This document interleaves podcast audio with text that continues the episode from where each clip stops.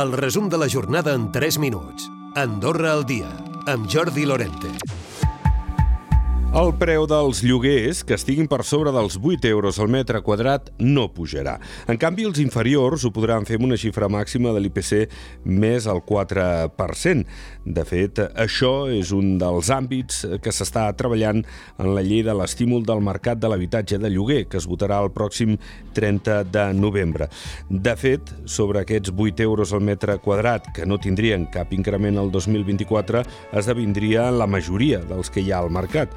Els contractes que paguen rendes entre 7 i 8 euros al metre quadrat tindrien una pujada del 4%, els que van de la franja de 6 a 7 euros només augmentarien l'IPC i els inferiors a aquestes xifres l'inflació més el 4%. Pel que fa als anys 2025, 26 i 27 es podria incrementar l'IPC en funció de la conjuntura. Amb tot, també la llei estipula la congelació dels arrendaments en general durant 3 anys. I Andorra Turisme aposta perquè el multifuncional es faci a l'estadi comunal Joan Samarra. Així ho ha explicat Andorra Televisió el seu director general.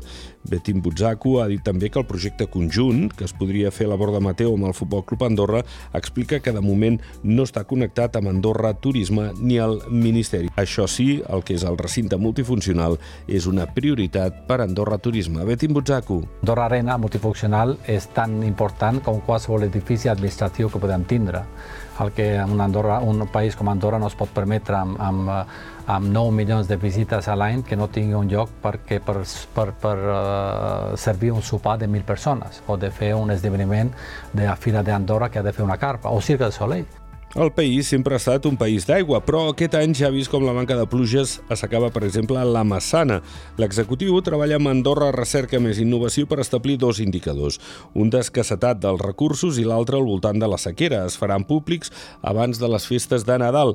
N'ha parlat el ministre de Medi Ambient, Agricultura i Ramaderia, Guillem Casal. Tenim una llei d'aigua que data és preconstitucional, és del 1985 i per tant l'hem d'adaptar a les situacions actuals, hem d'adaptar a la directiva marca europea en matèria de l'aigua degut a les negociacions de l'acord d'associació i per tant en això estem treballant no? I, i ha de ser una llei que ens permeti doncs, fer una gestió molt més eficient del recurs i, i potser creant doncs, un sistema de governança a través d'una agència de l'aigua que ens permeti tenir aquestes dades i aquesta gestió integral del recurs. No? I mentre els banders preveuen 3.000 trucades durant aquest any, així ho han destacat en el seu dia. Durant l'any ja han fet 950 controls de caça i 150 verificacions de danys per senglar. I Canillo tindrà llest el nou centre d'atenció primària, al CAP, al segon trimestre de l'any que ve. El projecte tindrà un cost d'1.200.000 euros i incorpora els treballs tant de l'edifici com de la remodelació de la plaça Prat del Riu. Recupera el resum de la jornada cada dia a AndorraDifusió.d i a les plataformes de podcast.